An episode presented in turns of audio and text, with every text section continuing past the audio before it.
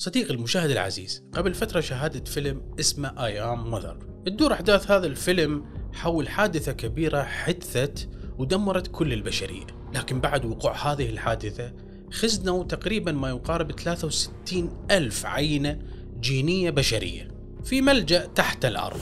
واللي مسؤول عن هاي الأجنة هو روبوت. صراحة اليوم الفيلم ما إلى علاقة مباشرة باللي أريد أحكي لك إياه. لكني من شاهدة هذا الفيلم بدأت تتولد عندي أسئلة في دماغي. أولها وأهمها هو أن انولدوا أطفال من الجنس البشري في مكان منعزل تماما عن العالم الخارجي. كيف ومن أي نوع راح يكونون هذول الأطفال بالمستقبل؟ والسؤال الثاني هو إذا كان هذا الشيء ممكن حدوثه كيف راح يتواصلون ذولي الأطفال مع بعض؟ يعني راح يتواصلون بأي لغة؟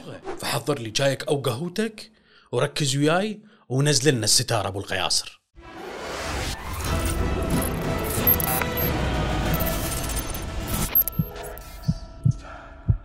مرحبا أصدقائي أنا سيزر الحاتمي أحدثكم من مكان ما على كوكب الأرض وأنت الآن في نقطة تفكير الموسم الثالث من قناة إكستوك المتواضعة واللي راح تكبر بمشاركتك لها فخلي نبلش. شوف يا صديقي المشاهد العزيز هو أنا مو أول شخص طرح هاي الأسئلة اللي هي إذا ولدوا أطفال في معزل عن المجتمع الخارجي شنو راح يتحدثون؟ كيف راح يكونون بالمستقبل؟ كيف يتواصلون بيناتهم؟ بل هاي الأسئلة انطرحت عدة مرات في التاريخ بل وحتى التاريخ القديم وأجريت تجارب عديدة حول هذا الموضوع وسميت هذه التجارب بتجارب الحرمان من اللغة.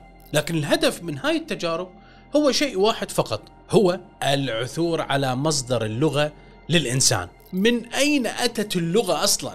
ولو ندخل شوية أعمق بهدف هذه التجارب نريد نعرف أو نريد نفهم ما هي أساسيات الطبيعة البشرية. ومن المؤكد إنه كل هاي التجارب هي تجارب غير أخلاقية تماما. لكن المؤرخون الثقافيون رادوا أن ينطون اسم آخر أو اسم بديل لهذه التجارب. منهم المؤرخ روجر اللي قال إنه يجب أن نسمي هذه التجارب بالتجارب المحرمة. وعندنا هاي التجارب حدثت بالتاريخ اللي قدم لنا إياها بالمصادر المؤرخ هيرودوت وذكر لنا هواي مثل هاي التجارب حدثت بالتاريخ. مثلا حوالي قبل 600 سنة قبل الميلاد فرعون مصر أخذ مولودين من أهلهم وأعطى ذول المولودين إلى راعي وشرط على الراعي أن ما يتحدث وياهم إطلاقا. لكن بعد فترة أن وجدت بين ذولي الأولاد لغة.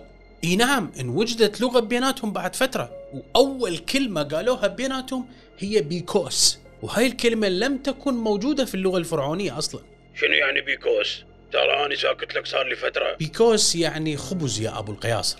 لكن بلغة الفريجيا. لغة الفريجيا اللي عاشوا بالأناضول قبل فترة الفراعنة. إي نعم قبل فترة الفراعنة بكثير.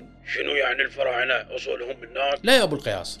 هم الفراعنة اعتقدوا إن أصول لغتهم من هاي المنطقة بسبب التجربة اللي سووها. لكن يا صديقي المشاهد العزيز بعد تقريبا 1700 سنة أيضا سووا تجربة أخرى. فريدريك الثاني اللي عاش بالقرن الثالث عشر هم أخذ أطفال من عائلاتهم وهم سوى هاي التجربة لكن خلوهم بمكان بمستلزماتهم باحتياجاتهم. لكن ممنوع منعا باتا أي أحد أن يتكلم وياهم. معزولين.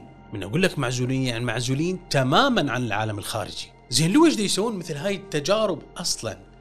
تعرف لويش شنو السبب؟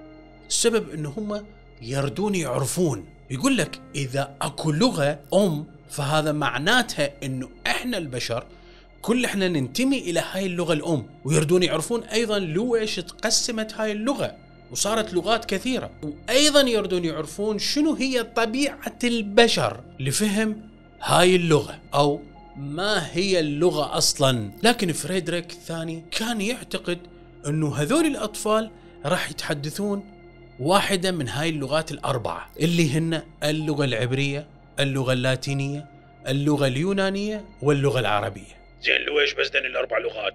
Where is the English؟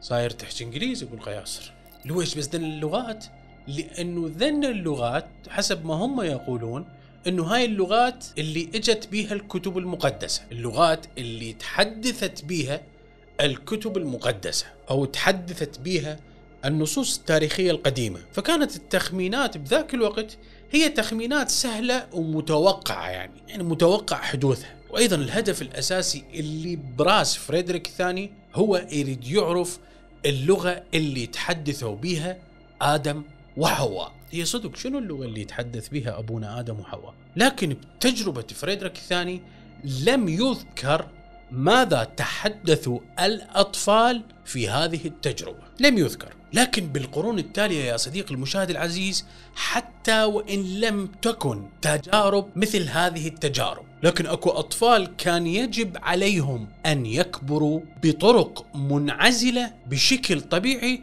عن باقي البشر. مثلا الأطفال اللي نشأوا بالطبيعة كانوا متوحشين ولم يستطيعوا أن يطوروا أنفسهم لغويا. مثل أني وأنت اللي عندنا لغة اليوم على الأقل لغة واحدة. ممكن أن نتفاهم بيناتنا. يعني لو ما اللغة اليوم كان أنت ما فهمت حلقتي ولا أني عرفت افهمك لكن الأطفال اللي نشأوا بالطبيعة كانوا متوحشين وما قدروا أن يطورون نفسهم. مثلا عندنا الفتاة أوكسانا اللي تم العثور عليها في أوكرانيا. من طفولتها كانت مع الكلاب وكبرت مع الكلاب واليوم هي حتى تفهم لغة الكلاب. وأكو كثير من هاي الأمثلة للأطفال اللي تربوا بالطبيعة مع الحيوانات مع الأغنام مع الماعز. ومع الدببة وحتى مع النعام. لكن كل هذول الأطفال أخذوا سلوك الحيوانات اللي عاشوا وياهم. لكن نفس هذول الأطفال من دخلناهم إلى المجتمع البشري ولفترات طويلة أيضا لم يستطيعوا أن يطوروا جانب اللغة عندهم. ما قدروا يطورون مهارات اللغة اللي هم يمتلكوها ابدا. لكن يا صديقي المشاهد العزيز اللغوي أكو طرق أيضا طبيعية للعزل وإجبارية على البشر اللي هي مثلا الصمم. إي نعم الصمم يا صديقي المشاهد العزيز. لنلاحظ إنه الأطفال اللي يعانون من الصمم يحاولون أن يحسنون لغة بيناتهم لغة خاصة من يتعرضون إلى ظروف العزلة يعني من عدم توفر شخص آخر يعلمهم لغة الإشارة. مثلا الأطفال اللي بجمهورية نيكاراغوا اللي دا تشوفهم انت هسه. ما حد متواصل وياهم حتى سنة 1980 بسبب الصمم يتم عزلهم عن المولودين الاعتياديين. بعدها دخلوهم إلى مدارس خاصة يعلموهم لغة الإشارة حتى يقدرون أن يعبرون عن نفسهم بشكل جيد. لكن النتيجة إنه بيناتهم أكو لغة تواصل قوية جدا، لغة تواصل بلغة الإشارة اللي هم خلقوها، اللي هم اخترعوها، مو لغة الإشارة اللي إحنا نفهمها، أي إنه الأطفال ابتكروا لغة إشارة جديدة بإيماءات الوجه واليد، فإحنا إجينا ردنا نفك شفرة اللغة مالتهم اللي هم اخترعوها، فقالوا خبراء اللغة إنه اللغة اللي تم اختراعها من قبل هؤلاء الأطفال هي عبارة عن لغة معقدة جدا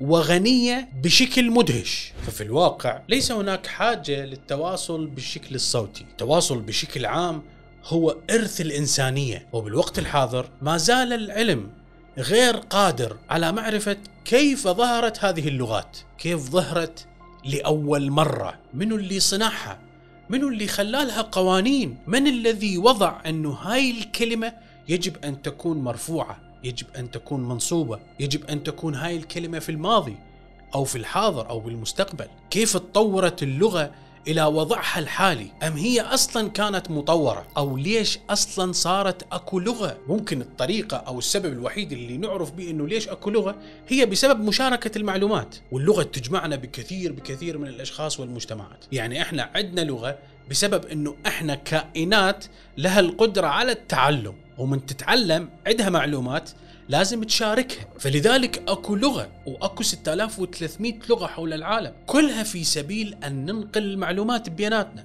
بداية الفيديو من قلت لك إنه أنا شاهدت فيلم أيام ماذر الأطفال اللي يربيهم روبوت أو يتواصل وياهم كان هذا الروبوت يتحدث اللغة البشرية لغة البشر. لكن لطالما تساءلنا عن ماذا سيحدث إذا وضعنا أطفال حديثي الولادة في مكان ما وعزلناهم وتم إجراء هذه التجارب الغير أخلاقية كلها في سبيل العثور على مصدر اللغة أم اللغات. وأيضا نريد أن نفهم ما هو الإنسان. كل هذه التجارب الغير أخلاقية نريد أن نعرف أصولنا. إن كان هذا السؤال في داخل ذهنك فاعلم إن لديك لغة في أعلى مستوياتها. وكما قال الفيلسوف إيمانويل إن كل اللغات هي مضمون الفكر. والفكر والتفكير هو فعل الشخص الذي يتحدث مع نفسه. وهذا هو أعلى مستويات اللغة التي يمكن لأي شخص تكوينها. لكن لا ننسى وهو يقول وعلم آدم الأسماء كلها. تحياتي وأشواقي لكم وأراكم في حلقة قادمة. أخوكم سيزر الحاتم.